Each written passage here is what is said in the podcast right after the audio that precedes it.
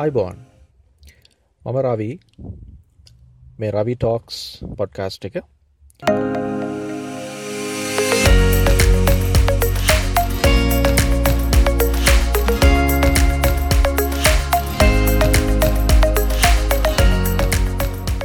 අද මම වල දන්නවනේ මම මේ මේක ප්‍රපයා වෙලා ස්ටඩියෝ එක එම කනට කොඩින් කරන්නේ මම මේ පාහනය ඇතුළේ මට වෙලාවක් ලැබුණහම ඔල වෙනුවෙන් යමක් රෙකෝඩ් කරලා මේ විදියට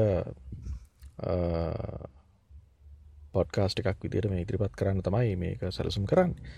ඉතිං මේ වටපිටේ මම ඉන්න තැන මට මේ ළඟ තිනවා වාහනය නොයනවා හැනවා ඉතින් ඒ සද්ධ බද්ධ අතර තමයි මේ මේ දෙ කරන්නේ. ඉතින් ඒ ගැන එච්චර තැකීමක් කරන්න එපාබී අපි කතා කරන්නඩෝට මේ මේ මම සාමාන්‍ය පුරවැසියෙක් වේ සමාජය. එතකොට අපි පුරවැසියන්ගේ හඬ මීට වඩා සමාජයට සමාජය මතු එන්ඩෝන කියන මතේ මම ඉන්න එක අපි කවුරුත් කරන්න ඇතරම අපි අපි හැමෝම මේ වගේ මේ අන්තර්ජාලය පාවිච්චි කරලා අපේ මතය සමාජයට අපි අපි ගෙනියන්න ඕන. එක හරිවෙන්න පුළුවන් වැරදි වෙන්න පුළුවන්. ඉතින් අපි මේ සමාජ සම්මතය පවතින දෙයක් අසම්මත දේවල් නෙවේ සම්මතය පවතින දෙයක්. සමාජයේ යහපතු දෙසා අපිට පුළුවන් දායකත්වයක් අපි දරන්න අපි සපයන්ට ඕන. ඉති ඒකට අපේ අදහස් හරි වැදගත්. එනිසා මං ආරධනා කරනවා හැමෝටම තමන්ගේ තමන් පුරවැසියෙක් විදියට තමන්ගේ විෂයපතය වෙන එකක් වෙන්න පුළුවන්. තමන් දන්න දේ තමන්ට හැඟෙන දේ තමන්ගේ සමාජයට තමන් විය යුතුයි කියලා සමාජය ඇතියුතු වෙනස්කමක් තිරන මොකක්ද කියන එක හොල බල්ලා ඒක තමන්ගේ අදහසක් විදිහට ඉදිරිපත් කරන්න පුළුවන් මේ විදිහට පොඩ්කාස්ට් එකකින් හරි බ්ලොග් එකකින් හරි එහෙම නැත්නම් YouTube channel එකකින් හරි ඒක කරන එක හොඳයි මම දැන් මේ පොඩ්කාස්ට් එක ඇත්තටම නම් මේ අපේ ලංකාවේ පොඩ්කාස්ට් කියන කන්සෙප්ට් එක එච්චර ඩෙවලොප් වෙලා ප්‍රසිද්ධ වෙලා නැති නිසා මම මේ YouTube channel එකක් මේ විදිහට මේ රෙකෝඩිංස් කීපයක් වලට ඉදිරිපත් කරන්න හිතුවා. ඉතින් අද මම මේ කල්පනා කරා මේ අපේ මිනිස්සු අතර තියෙනවා මේ උගුරට හොර බෙහෙත් කෑමක්. ඒක අපේ සමාජ මුල් බැහැගෙන තියෙන දෙයක්. ඒ හොඳට බොහොම හොඳට පේන තින අපේ මේ දේශපාලන භූමිකාව තුළ බුදේශපාලන මේ වේදිකාවේ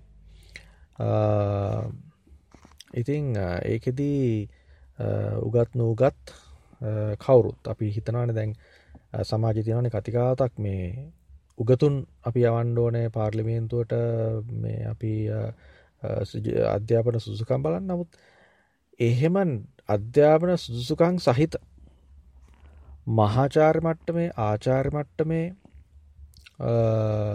ඉළඟට වෙනත් විවිධ වෛද්‍යවරු නීතිීජ්ඥයෝ විධ පුද්ගලය අද ඔය අපි ඔය කියන පාර්ලිවෙන්ට ඇතුළ ඉන්න. ඉති මේකට්ටි මොකද කරන්නේ. මේකට්ටි මොනාද කියන්නේ මේ කට්ටි මොනාද රට වෙනුවෙන් ගන්න තීරණ මොනාද. කියනදේ අපි මීට වඩා පුල්ලුලිකට හිතන්නන අපි අර පක්ෂ මානසිකත්වයෙන් අපේ පුද්ගලයොන්ට විදිහට අපි පුද්ගලානුබද්ධව අපි හිතන ගතියෙන් අපි මිදිලා අපි පුද්ගලයෝ පටස් පසු පස්ස යන ගතියක් තියෙනවානේ ඒකනුම් මිදිලා අපේ පක්ෂ ඔය පාට පක්ෂ මානසිකත්තේ මිදිලයි පුරවැසියෙක් විදිර හිතල බලන්න ඕන මොකක්ද මේ රට වෙන්නේ මොකක්ද වෙන්ඩ ඕන කියලා. දැ මෙතෙද්දි වැදගත් දෙයක් තියෙනවන අපිට හිතන්න.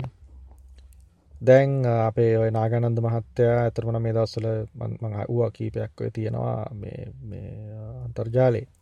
අවුදු හැත්ත එකක් තිස්සේ මෙහෙම මෙහෙම අපි මේ රැවටීමට ලක් කලා තියෙනවා කියලා එතුමා කියනවා. ඉති එතුමා වැරදිී කියලා තව කට්ටියක් දෝෂාරෝපණය කරන. ඉතිං ප්‍රධාන පක්ෂ දෙකක් ඒ අතරේ විවිධාකාරයෙන් තමන්ගේ දේශපාලන මතයන් ප්‍රසිද්ධ කරන්න හදනවා. එකින එක එකින එක අතරේ ගැටුම් ඇති කරගෙන මේ වාග ප්‍රහාර එල්ල කර ගනිමින් සිටිනවා. මේ මොකක් සඳහාද ජනාධිපතිවරණය පවත්වීම පවත්වනාද නැද්ද පවත්වන නම් කවුද අපේක්ෂකය වගේ දේවල් තමයි කතාවෙන්නේ. ඉතින් මේ පක්ෂවල මිනිස්සුන්ට තියෙන ප්‍රධාන දේ තමයි තමන්ගේ පක්ෂය රජ කරවීම. දැන් ඒ කට්ටිය කතා හොඳට අහල බලන්ඩ ඒ හැමෝම කියන්නේ මම කිය මම කියන්න මේ ඔය නාගනන්ද මහත්තයාවත් එවනත්තං ඔය විකල්පය එහෙම එහෙම එමර පුද්ගල ගැනේ ද මම දන්න එකට්ටික දේශපාලන දේශපාලනය කොයි වගේ වේද කියලා මට කියන්න බෑ. මම කියන්න එකට චන්ද දෙන්න කියලවත් එහෙමකුත් නම කියන්නේ පුද්ගලයෝ විදිහට කියන්නේ. චරිත විදිහට යාලා දැනට අපිට පේනවා මිනිස්සු වෙනුවෙන් ඔය මේ අධිකරන ක්‍රියාමාර් ගැරන්තියනවා මිනිස්සු වෙනුවෙන් කතා කරන ඉතින් ඒ කට්ටි කරන මම කියන්නේ. අනිත් පක්ෂ විදිහට බැලුවොත් ඒ හැමෝම කියන්නේ තමන්ගේ පක්ෂය දිනවීම. තමන්ගේ අපේක්ෂකයා දිනවීම ගැන තමයි කතා කරන්න. ඉති දැම මොකක්ද එතකොට යාලගේ දැන් අපි හිතමු ළමයෙක් විභාගේ ළමයි අධ්‍යාපනය ලබන ළම හැවෙලීම අධ්‍යාපනයෙන් තමන් සාර්ථකීම කෙනතම කතා කරන්න. ක්‍රීඩකෙක් තන් ක්‍රීඩා කණ්ඩායමක් කතා කරනවා නම් ඒ ගණ්ඩායමක් ගැන බලනවාන ඒ කට්ටියත්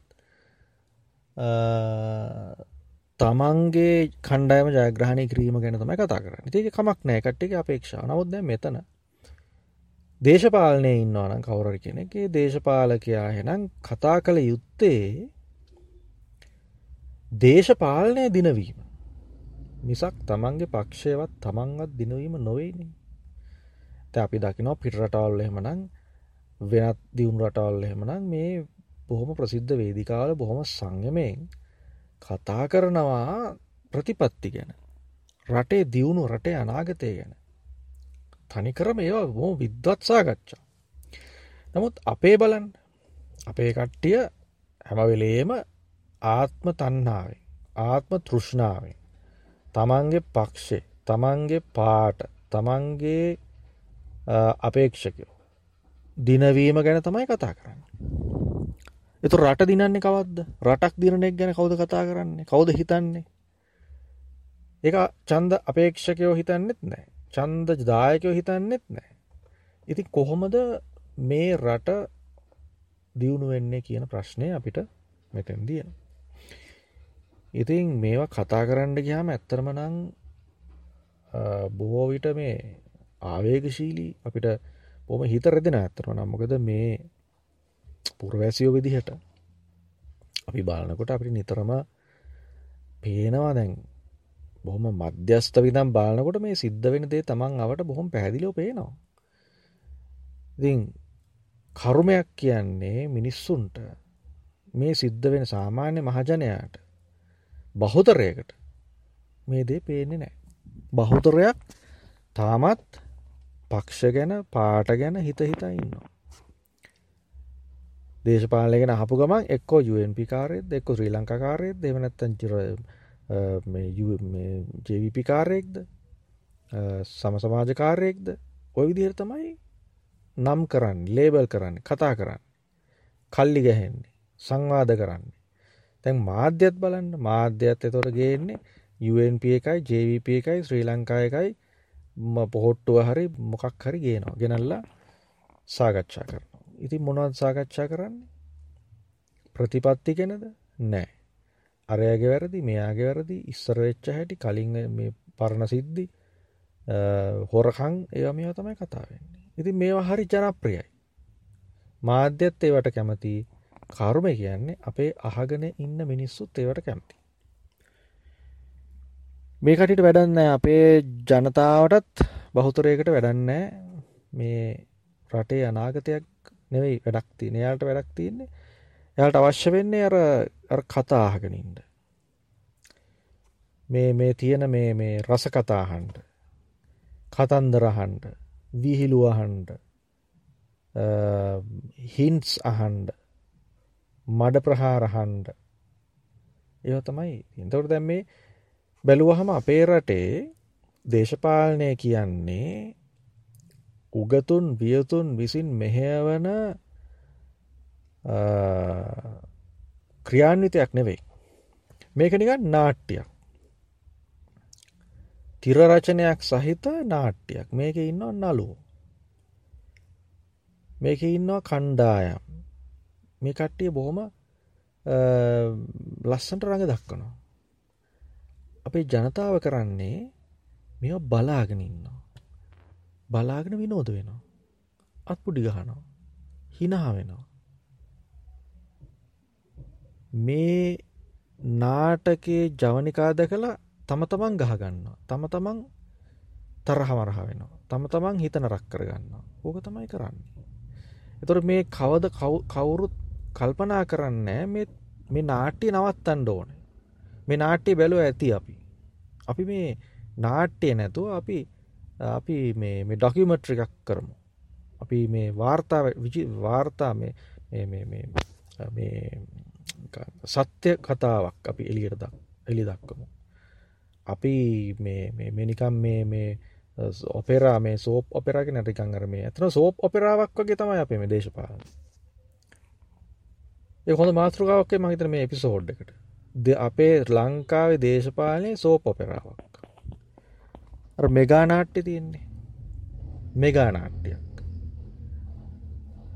කොටස් ගණන නියමයක් නැති එපිසෝඩ්ස් ගණන නියමයක් නැති අනන්ත වූ එපිසෝඩ්ස් ගන්නක් සහිත සෝප් ඔපෙරාවක් තමයි අපේ දේශපාලන ඉති අපේ මිනිස්සුව එක බලන්න කැමති කටවල්ලාගෙන බලාගෙන ඉන්නවා මට හිතෙන්නේ අර ධර්මපාල මහත්තයාගේ කාලේ අපේ මිනිස්සුන්ගේ අර තිබ්බ පරගැතිභාවය අඩු කරන්න. සුද්දොන්ඩ තිබ්බ බයාඩු කරන්න එතුමා මේ රටවටේ රවුන් ගහල මිනිස්සුන්ගෙනුත් බැනුම් හා කොහොමරි කරපු ඒ අරගලය වගේ දෙයක් අපි මේ සයිබ පලට්ෆෝර්ම් එක හරා කරන්න නොම මිනිස්සුන්ගේ චින්තනය හදන්න අපි වැඩ අපිට අතරමන අපි දේශපාලඥයට බැනල තේරුමක් නෑ. මොකද දේශපාලඥයෝ කියන්නේ අපේ රටේ බහුතරය නියෝජනය කරන එක්තර කණ්ඩායමක්. එතුට දේශපාලඥයෝ අරවිදිහට හැසිරෙන්නේ මොකද ඒ ඒ කට්ටියගේ හැදියාව ඒ කට්ටියගේ දර්ශනය සහ ඒ කට්ටිය රටේ බහුතරයකට අවශ්‍ය විදිහට කරන රංගනය. ඉතින් ඔය රංගනයෙන් කුල්මත්වෙන පිරිසක් අපේ රටේ ඉන්න කල්. ඒකට්ටි ඒ රංගනය වෙනස් කරන්නෙත් නෑ අපිට වෙනස් කරන්නත් බෑ. එනිසා ජනතාව ජනතාව මීට වඩා දැනුවත්වෙන්න ඕන මීට වඩා රටේ රට ගැන අනාගතය ගැන හිතන්න ඕන. මේ පක්ෂවල පක්ෂ කියන ඒ මානසිකත්තේ මිදෙන්ඩෝ. තැන් බලන්ඩ ඇත්තරමනං මේ මේ වෙනකොට බිලියන් කී කොච්චර නයයිද අපි එක්කෙනෙක් ලක්ෂ කීයක් නයයිද තැ කවද්ද මේවා ගෙවන්නේ කවුද ගෙවන්නේ ද මට පේන විදිහට නම් මේ පක්ෂ මේ රජයන් පක්ෂමගෙන් මෙම රජයන් බලයට එන කවුරුන් හෝ රජය කිසි බයක් පැකිලීමක් නැතු ණය ගන්න. සමහල්ලට අපි දැකලා තියෙනන පාර්ලිමේන්තුවේ අත්තුස්සල කෑග ගහ ජයගෝෂා කරමින් තමයි ණය ගන්නේ. හරියට නිකං අර ගමේ අර මේ මේ මොකක්කත් වත්කමක් නැති මනුස්සයකොට බැංකුණයක් හම්බුනාම සතුටු වෙනවා වගේ. අත් පොලසන් දීලා බොහොම ප්‍රීතිගෝෂා කරලා අනුමත කරගන්නවා මේ අපිට හවල් රටෙන් නයමෙච්චර හම්බුනා කියලා කෑගාන. දෙයනේ මේ ගෙවන්න කවුද. එතකොට දැන් රජයන් මට පේනදිට මේ බයනැතුව ණය ගන්නවා මොකද මේවා ගෙවන්ඩ වෙන්නේ ඒ රජයට නෙවෙයි. ඒවා ගෙවන්ඩ වෙන්නේ ඊළඟ ඊළඟට රජයට හෝ ඊට පස්සෙ රජයට හෝ ඊට පස්ස රජයට හෝ කාට හරි ගිවන්ට වෙනවා. එක්කෝ නීති තියෙන්ඩෝනෑ දේශපාලනයේ ඉන්න කවුරුන් හෝ බලධරයන් අනුමත කරන ණය ගැන වගකීම ඔවුන් දරන්න ඕන කිය. නිලය නෙවෙයි ඒ පුද්ගලයා දැරිය යුතුයි කියලා. එමනැත්ත ඒ පුද්ගලයා චන්දෙන් පැරදිලා හරි නැත්තං මොකක් හරි විදෙස්ගත වෙලා හරි මෙහින් චුත වුණාට පස්සේ ඊළඟට එන පුද්ගලයා ඒක වගකීම ගන්නෙත් නෑ. අර නිලයට තමයි ඒ නිලේ කියන්නේ. රටේ ලංකාවට ජනතාවට තමයි ඒක තියෙන් ඉතින් මේවා ගැන ගොඩාක් තියෙනවා මේ මේ මිනිස්සුන්ගේ ජනමතය නිවැරදිවයුතු තැන්. එහෙම වෙනකල් අපි මේ බොරුවට මාධ්‍යවල නිකං මිනිස්සු ඇවිල්ලා මෙහෙම වෙන්ඩෝන අරහෙම වෙන්ඩෝන මිනිස් මේ දේශපාලඥෝ මෙහෙමයි අරහෙමයි කියලා බැනලා බැනාඩ ගහල වැඩක් නෑ තැමම් පොඩි උදාහරණයක් කියන්න. දැ අපි පාර යනකොට අපි සාමාන්‍ය මිනිස්සු ඉදිර අපි වාහනයක පාර යනකොට මිනිස්සු කී දෙනෙක් නං මෙලෝ සිහියක් නැතුව යනවා පාර.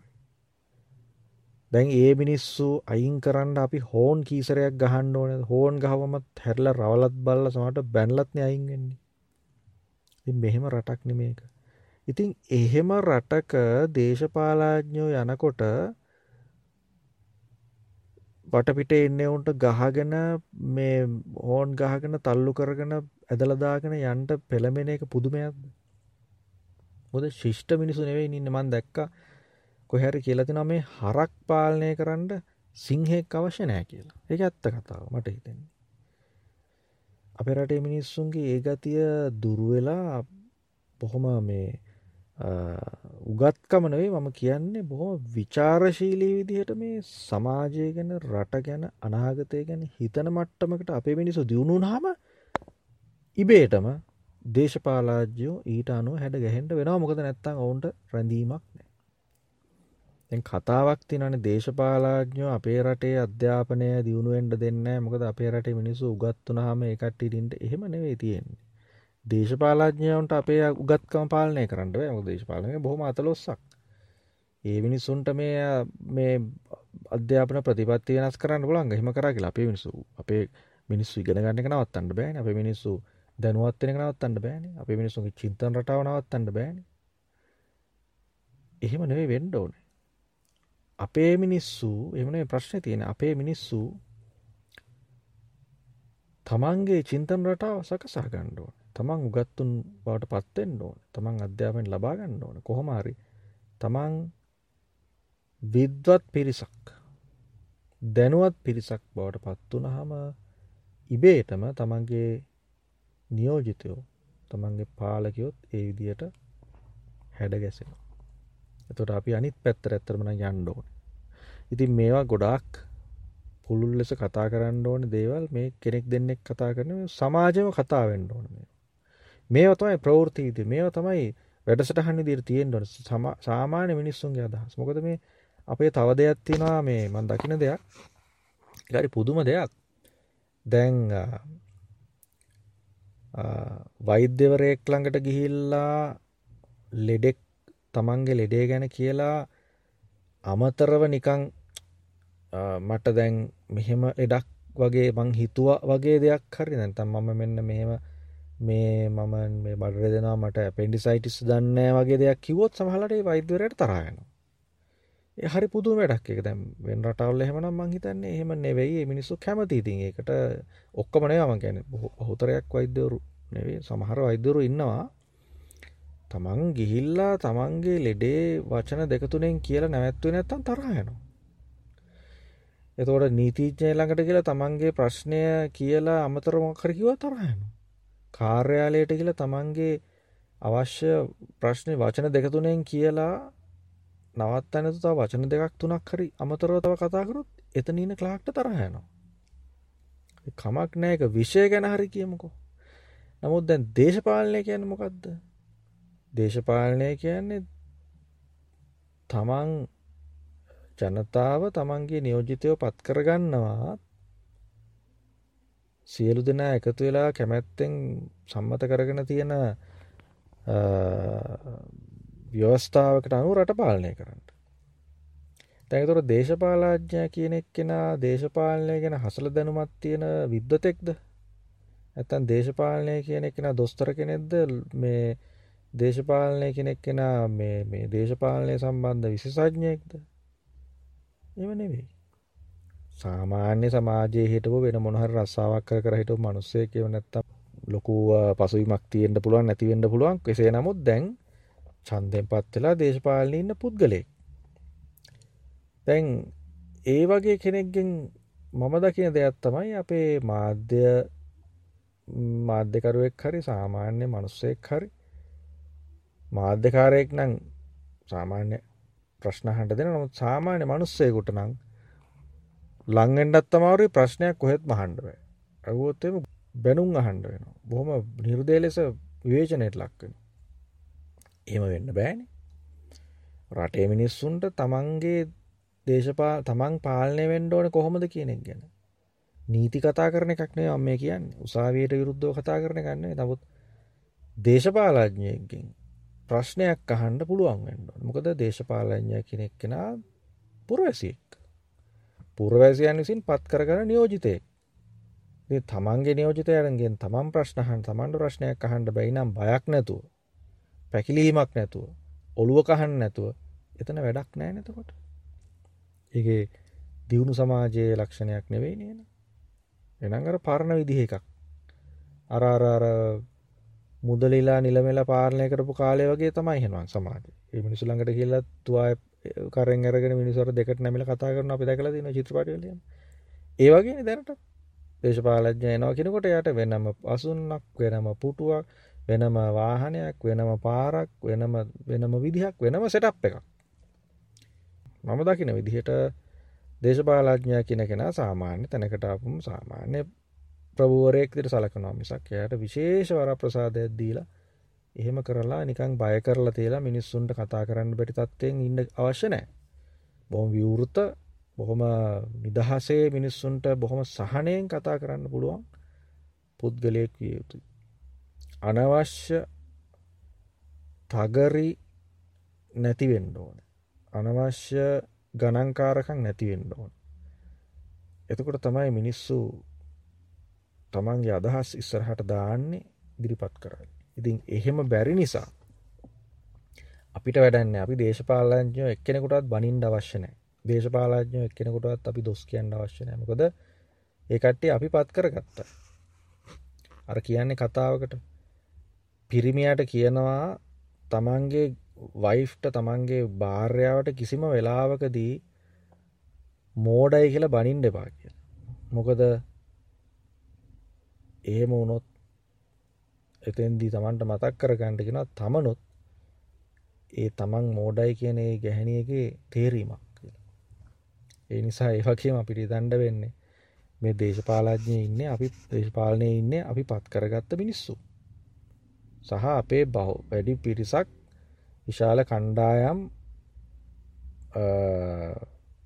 කැමැත්ත පල කරන විශාල පිරිසකගේ අවධානයට ලක්වෙන පිරිසක්. අපේ මිනිස්සු ටිකක්. අපේම කට්ටිය. ඉති ඒ මිනිස්සුන්ට බැන්ලාන්ට බැනාට ගහල වැඩක් නෑ අපි ඒහින්දා ඒ දේශපාලාඥය ඉන්න පිරිස් ගැන අපි කතා කරන්න මම මේ මම කතා කරන මේ එක තැනකදිවත් එහෙම බනින්න නෑ මොක දෙක මට අයිති දෙයන්න නෙවෙයි. මට අවශ්‍යනය එක පට වැඩක් නෑ කරලා.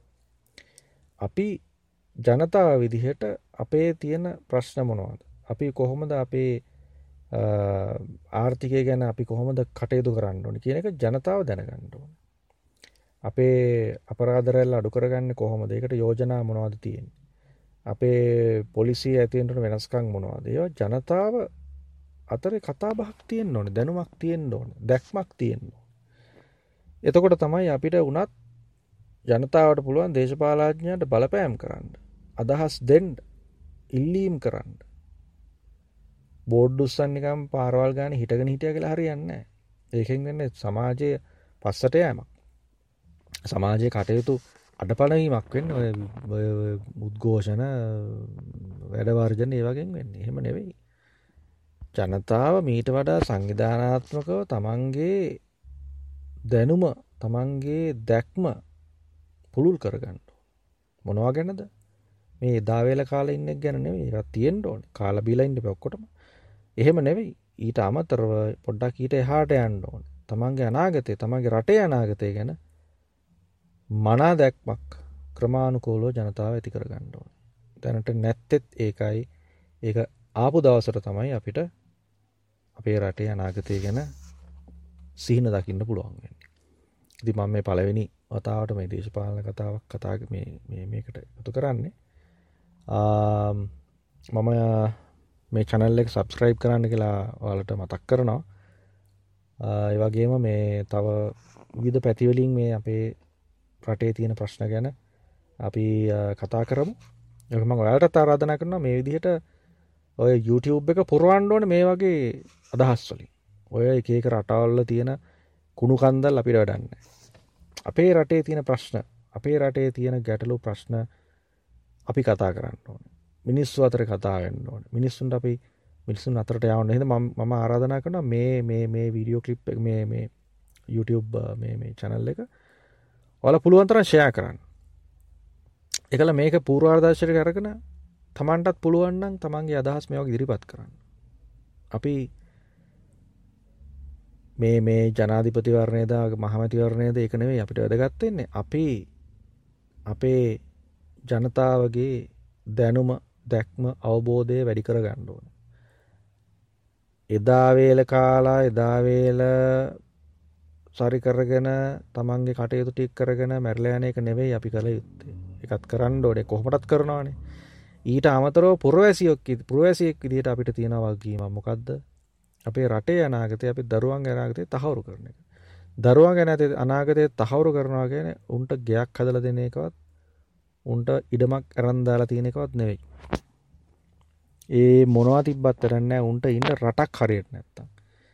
උන්ට ඉන් රටක් හදන එක දේශපාලජ්‍යංක වැඩක්වත් අපි චන්දන පක්ෂය වැඩක්වත් ජනාධිපති අගමැති තුළු මේ දෙසී විසි පහ වැඩක්වත් නෙවෙයි. එයාලා ඒ නියෝජිතටයක් විතර යාලට එහෙම වගීමක් ගණ්ඩ බෑ ඇතරමන අපි දැනුවත්වෙන්න ඕන. අපේ දැක්මත් තියෙන්න්න ඕන. ජනතාව විදිහට ජනතාවට ලොකු අවබෝධයක් තියෙන්ට ඕන මේ අපේ රටේ ආර්ථිකය දේශපාලනය අනාගතය කොහොමද වෙන්ඩෝන කියලා.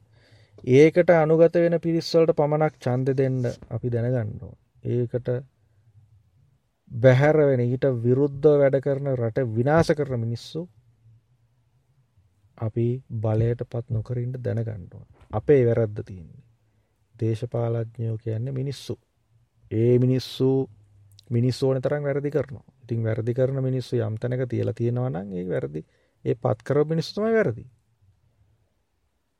නැතුව අපිට මේ මිනිස්සු හදන්න බෑනි අපිට චරිත හදන්න බෑ. අපිට සුදුසු චරිත තෝරන් විතරයි පුළුවන්. තින් ඒකට අපි දැනුවත්වෙන්ඩ ඕන පෙළ ගැසෙන්ඩ ඕන. රවීටෝක්ස් සබස්ක්‍රයිබ් කරන්න මව ෆලෝ කරන්න අපි කතා කරමු සමාජය තියෙන ගැටලු ප්‍රශ්න ගැන. ඕකේ අදට මන්න අතිනෝ තවත් එපිසෝඩ්ඩෙන් හම්බත්ව ඇතු